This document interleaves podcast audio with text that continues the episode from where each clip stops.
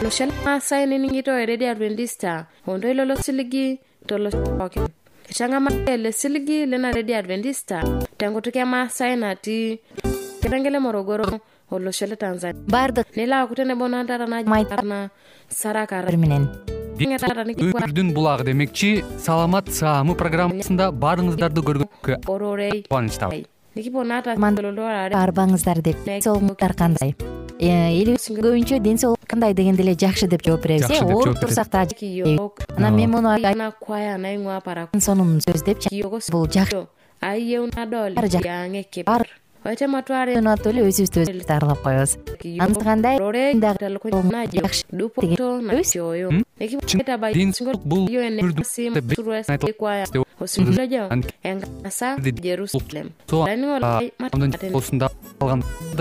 ден соолук бул өмүрдүнсында калган нерсе өзүнүн баалуу жогот.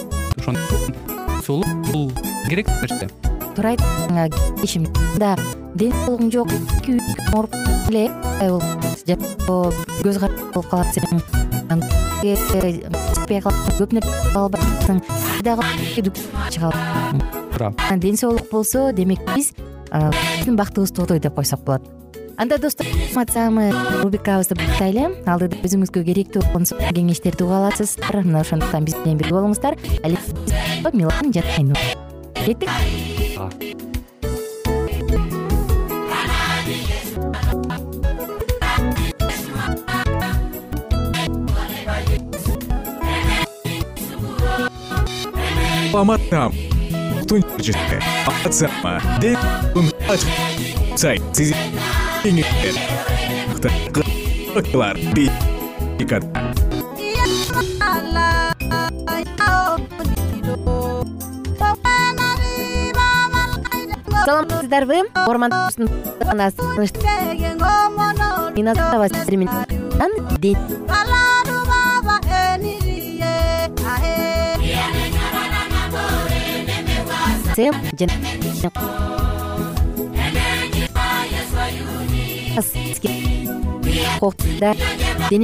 көрүүнчөбул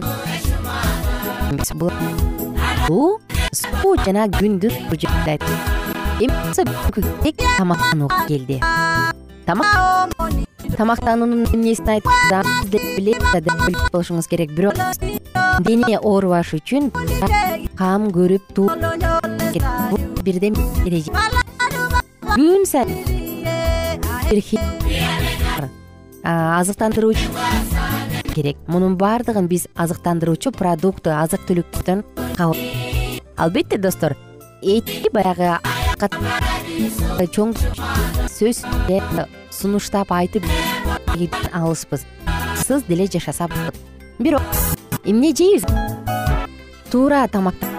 Же болбосо саламаттуу таң нанүш эртең мененки тамак. Жаңы мөмө жемиштер бүтүн дан азыктарды бул нан балким мюсли балким үлбүктөр жана жаңгактар вегетариандык сүт мүмкүн бул соя сүтү ушул сыяктуу сүт.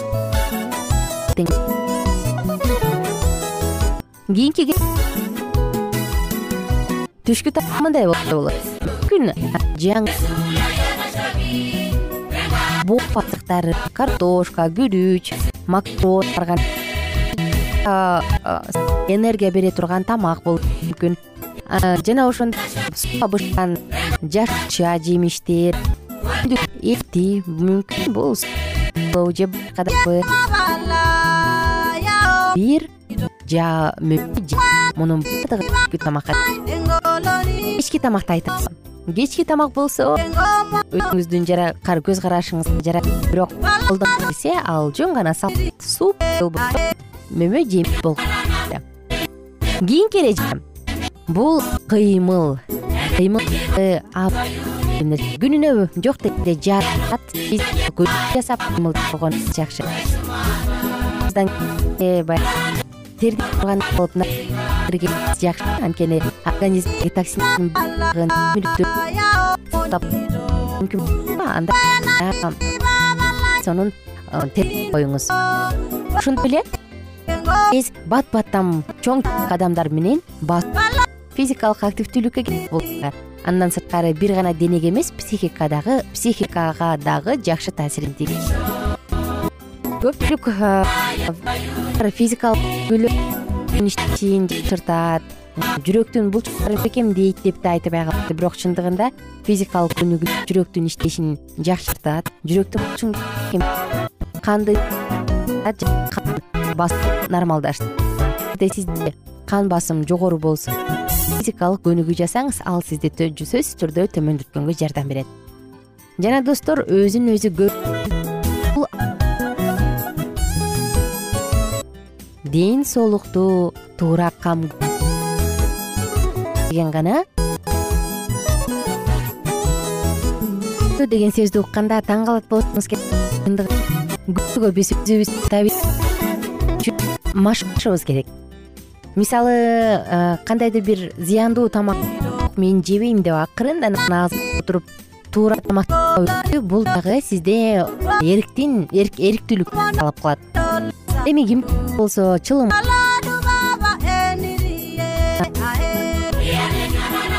Ырыгы бар э? Көп. Кимдир бирөө болсо сөзсүз чайнап жеп керек. Жаман. Жок. Өзүнүн отура берет да баскысы да. Мындай учурда өзүбүздүн үүлүгүбүздү өзүбүз жакшы эрежеге келди жакшы ээ болуш үчүн бизге үмүт керек. Болгондо да жаркын келечекке көптөгөн кудайга ишендагы адамдар өздөрүнүн үмүтүн кудайга артышат. Алар ага баягы асмандагы атабыз бизди сүйгөн ата деп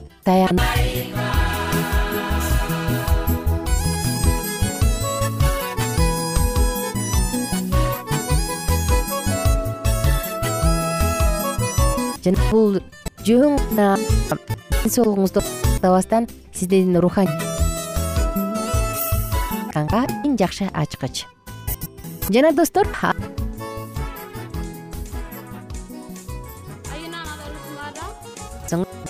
баарыбызга жаккан эс алуу.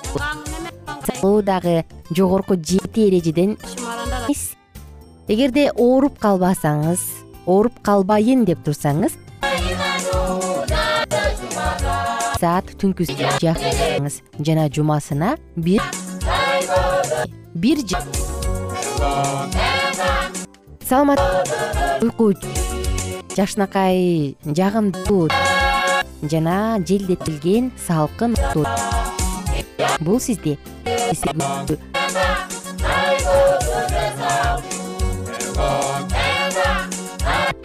жыйында айтарым биздин ден соолугубуз көптөгөн адаттарыбыздан эгерде ооруп калсак кандай гана кандай операция болсун бирок кайрыбызды жүз пайыз каалыбына келтире албайбыз ооруп калып болгон акчаны ден соолукка сарптагандан көрө күн сайын өз ден соолук кам образ жашаган жакшы деп ойлойм. Мына ошондуктан азыр эле азыр жогорку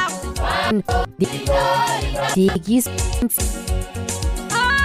оорубаңыз жалпыңыздарга чейин сак саламатта толук.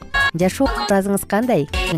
Текшериңиз дагы эске алып күн сайын өзүңүздүн саламаттуулугуңузду көрүңүз. Эч оорубаңыздар саламат ден соолуктун жарчысы саламат ден соолуктун ачкычы күн сиз үчүн мыкты кеңештер сонун жаңылыктар кызыктуу фактылар.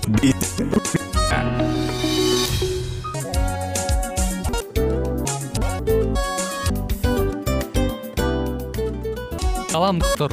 Кайрадан биздин деп айтмакчыбыз. Баардык азамат менен анан дил маекбыз негизи дил эмне жөнүндө кеп кылабыз бул эмнеде рубрикабыз. Тааныштырып кетсеңиз. Суранчу боюнча бул радио баракчада ар тарап кесип алабыз сүйлөшөбүз сырдашабыз. Аталарыбыздын эжелерибиздин апаларыбыздын кеңештерин угабыз айтор жан дүйнөгө адамдын э, сапатына адамдын деги эле адам болуп жашаш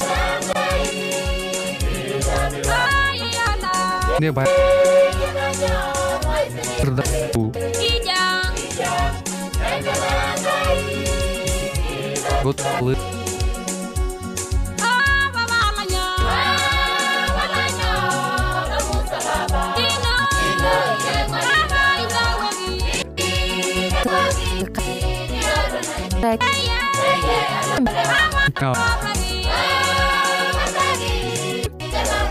No. Ортодо гана сыр бойдон калат. Ошондуктан биздин дил маек рубрикабызга дагы бир жолу кош келиңиздер. Жана биз даярдаган маалыматтарга даяр болуңуздар. Айнур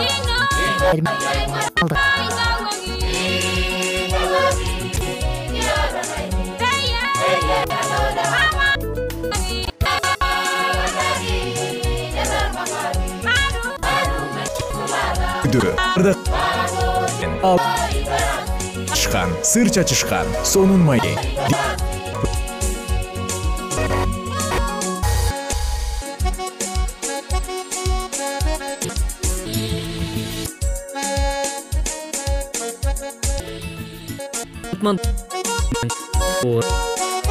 анан сиздердин назарыңыздарда кыргызстанга саякат аттуу программабызды баштамакчыбыз. Бүгүнкү берүүбүздүн жүрүшү урматтуу угармандарыбыз айтылуу токмок жергесине орун алып мекен таануу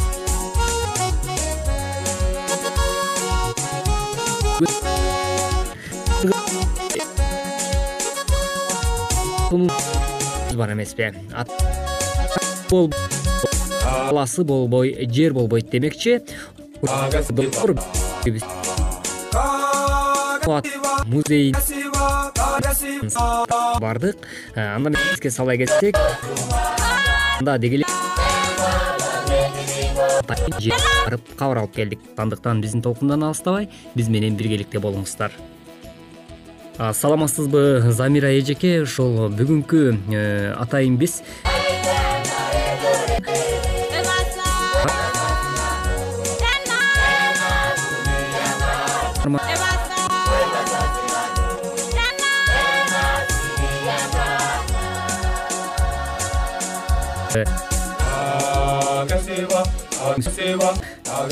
угарман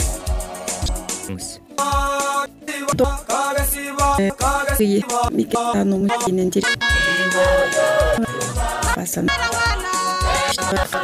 үч жылдын жүзү болуп калды биздин базарга жакын баягы элдин көпчүлүк э, катмары алынган жерге жакын жайгашкан трясина деген көчөдө э, жүз кырк алтынчы номер үйдө турат. Эжеке деги эле айтсаңыз ушул музейдин ичинде өтө деле эбегейсиз э, чоң музей экен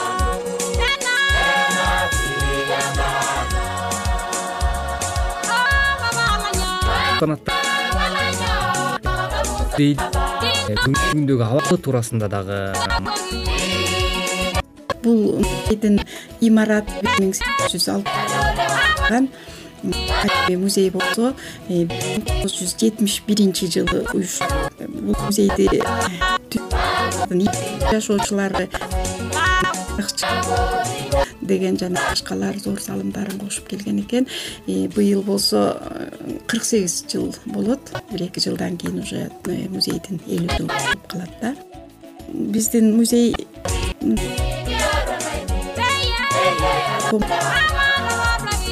анан фаеси бар.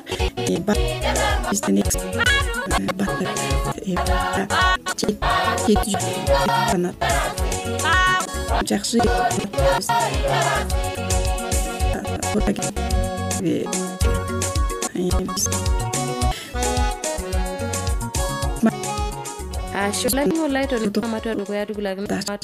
niningo an address царский монеталары тыйындары алардын тарыхы менен туруп атат. Э, биздин кыргызстандын э, акча сом пайда болгондон берки тарыхы бүгүнкү күнгө чейин баардыгын чагылдырабыз. Mosori uni uni naudo ile Tinini tengo Morogoro, Tanzania. te im кылым. masai isiet at gmail com. Э, болгон ошонун бүт тарыхы менен чагылдырып биз ошону э, коюп выставканы жасап бүттүк. Э, ошонун эми ачылышын жасайбыз да. Ошондой эле дагы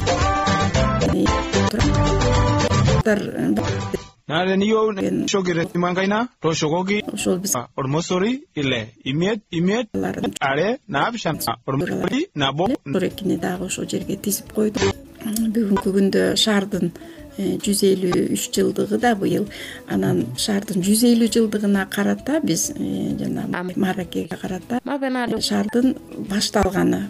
Возникновение э, жүз элүү жылга чейинки күнгө чейин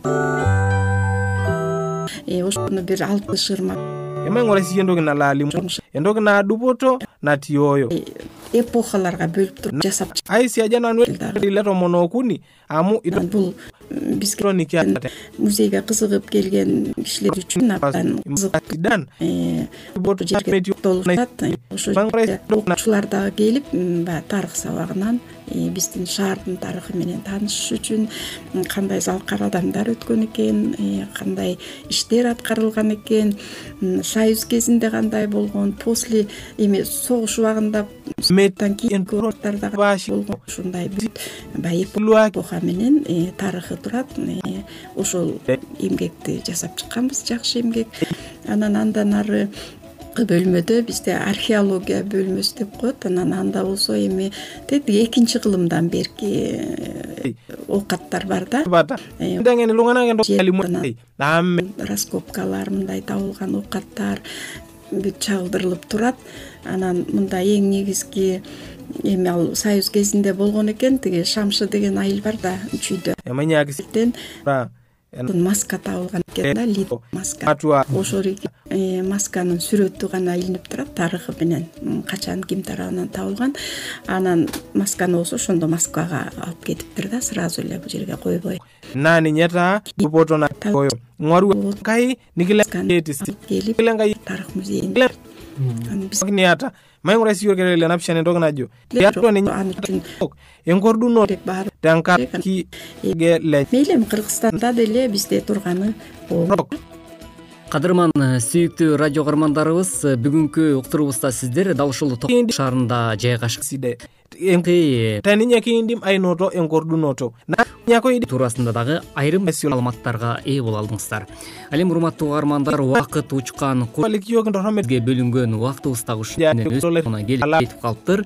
Э, деп ngwaru yang kai жатта дагы берүүбүздө дагы дал kai yamun nik matongiki шаарында Баликин тор- бул тарыхый э, музей туурасында entoki naitoka alimutene weiti atona buku э, кененирээк маалымат өтмөкчү ал эми биз болсо сиздер менен коштошууга аргасызбыз эмки берүүбүздө дагы биз сиздер менен дал ушул эле аба толкундан э, токмок шаарынан орун Ай. дал ошол жогоруда маегибизди эмки берүүбүздө дагы андыктан урматтуу достор коштошом бүгүнкү уктуруубузга назар салганыңыздар. Ой, чоң рахмат. Кайрадан эле сиздер менен дал ушул аба толкундан амандашканча сак саламатта болуңуздар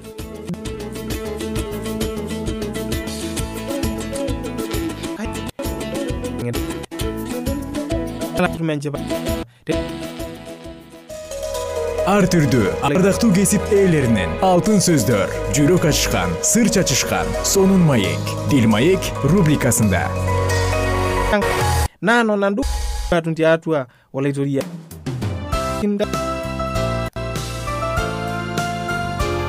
эфирде азиядагы адвентисттер радиосу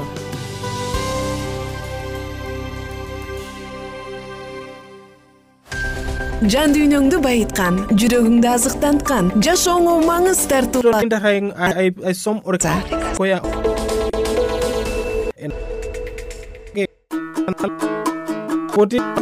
niki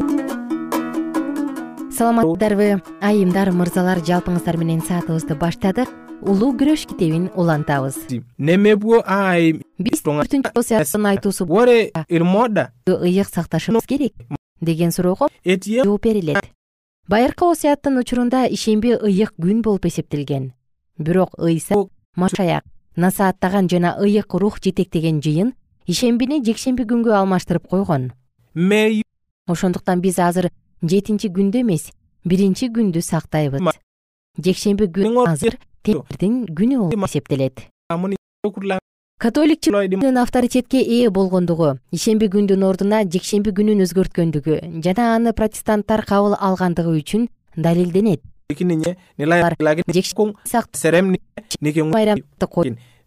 Сактап мажбурлай тургандыгын такташат. Ишембини бузгандык кабыл алып белгисин алгандык болбогон анан эмне болмок эле? Римдиктердин чиркөөсү өз бийликке умтулгандыгын качан түгөт протестанттар жыйындары ыйык жазуудагы жекшембинин ордуна алар койгон жекшембини кабыл алгандар.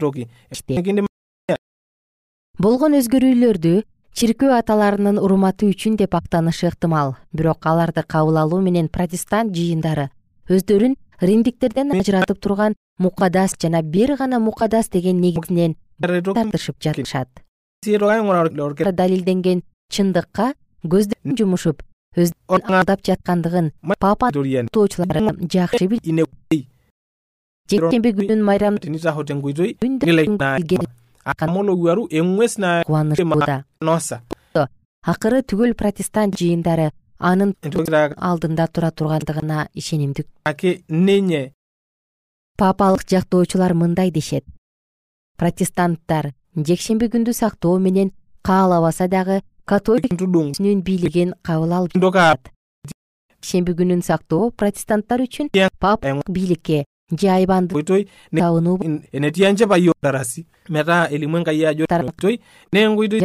болсо дагы болсо ошону менен киргизген болсо ошону кабыл деп жатат. Жана адамдарды байрамдарды сактоого жыйында өздөрү айбандын түрүн жасап жатышат. Ушундан улам америка кошмо штаттарында адамдарды жекшемби күнү сактоого мажбурлоо мындан мурдагы ишенген адамдар жекшемби менен ыйык жазуудагы белгиленген күндү сактап жатабыз дешип ишенишкен католик чиркөөсү баардык жыйындарда жекшемби ай аркылуу тынчтануу үчүн белгиленген күн чын жүрөктөн бери албетте. Жок эмес. Жана бул суроого болгон. Алардын кудай калтырбайт. Бирок жекшемби күнүн майрамдоо бийлик аркылуу талап кылына баштаганда ал эми дүйнөгө чыныгы ишемби жөнүндөгү кабар таратылганда кудайдын билип туруп баш тарткан адамдар кудай папанын баалаган адамдар болуп саналат. Ал өзүнүн урматтоосуге мажбурлаган бийликке көргөзөт кудайдын улнин мөөрү болуп эсептелген кудайдын көрсөтмөлөрүнөн баш тартуу. Жогорку бийлигин кабыл менен адамдар римге же айбандын белгисине ишенимдүүлүктү көргөзүшөт. Бирок качан бул суроо адамдарга түшүнүктүү болуп ачылганда жана алар эң ирет кудайдын кабыл алуу же адамдардын чыгарган мыйзамдарын кабыл алуу үчүн шилтешкенде ошондо гана өз адилетсиздикалган эскертүүчүадамзат миеси үчүн эң эле каардуу кабар болуп саналат болуп жаткан сөз адам өзүнүн үстүнө ырайымы коштолгон кудайдын каарын ала турган жөнүндө болуп жатат. Жана ушунчалык маанилүү суроону адамдар билбей калышы керек эмес. Бул күнөө жөнүндө адамдар кудай өз соту менен шаарына келе эскертилип калышы зарыл жана бул адамга тургандыгын билүү керек. Баардыгы куткарылууга мүмкүнчүлүк алышкан келечек каардан куткарылууга ар киминде мүмкүндүк болгон. пайгамбарчылыктын айтуусу өз менен kindi balungani дарга жана элдерге кайрылган. Ошол эле кабардын бөлүгү үчүнчү периштенин кабары андан төмөн эмес. Пайгамбарлыкта бул кабар асмандын ортосунда учуп келе жаткан периште аркылуу катуу үн менен айтылды жана бул бүт дүйнөнүн көңүлүн өзүнө бурду деп айтылган. Күрөштүн баардык адамдар эки топко бөлүнүшөт.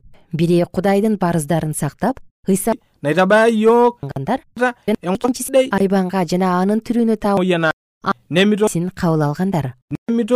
Аракет өз nemeti жана кичинектерди бай nemeti жакырларды эркин адамдарды oltung'ani torrono inakom айбандын түрүн кабыл алууга дагы кудайдын эли бул белгини кабыл алышпайт.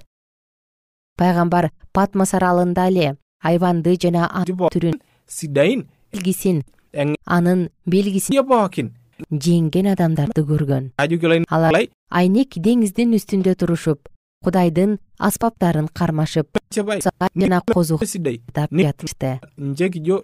аян китеби. Экинчи үчүнчү аяттарда. Жыйырма алтынчы бап. Реформа иши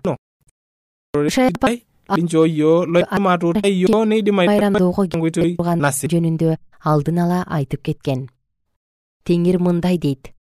Укукту сактагыла жана чындыкты кармангыла анткени мен teshi турган учурда enkone чындыгын en chapai mekure tia дагы жакын калды муну кылган адам баласы. Ишемини булгагандан сактап жана эч бир кыянаттык кылбас үчүн өз колун жамандыктан коргогон адам бактылуу. Үчүн анын кошулган. Ыйык менин осуятымды bana эм карманга? Gaywana бөтөн мен алып чыгам жана менин сыйына турган үйүмө аларды киргизип кубанычка бөлөйм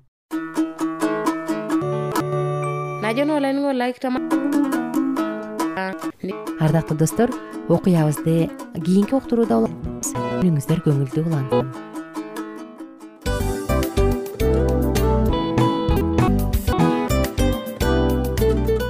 достор биздин демек бул программабызды дагы жыйынтыктачу учур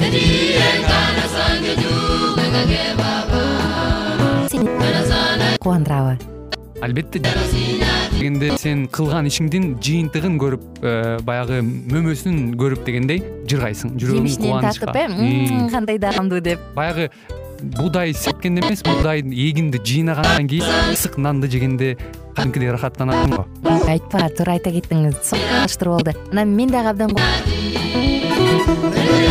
тенип келген уктуруу калдык. Анан эми э, уктуруубуздун соңунда угармандар кандай пайда алып калды экен деп күтүп турам да. Балким э, менин жашоомо өзгөрүү киргизе турган болду. Мен ушул нерсени изилдеп анан нерсени чечим чыгарсаңыз анда биз абдан кубанычтабыз сөзсүз түрдө. Андыктан кийинки биздин кызыктуу уктурууларыбыздан көрүшкөнчө сак саламатта калыңыздар. Чыдамсыздык менен сиздерди мен милан жана кесиптешим айнура күтөбүз. Каалайбыз качанга болсун ууртум жылмап кет өмүр жүрөгүңүздө көңүл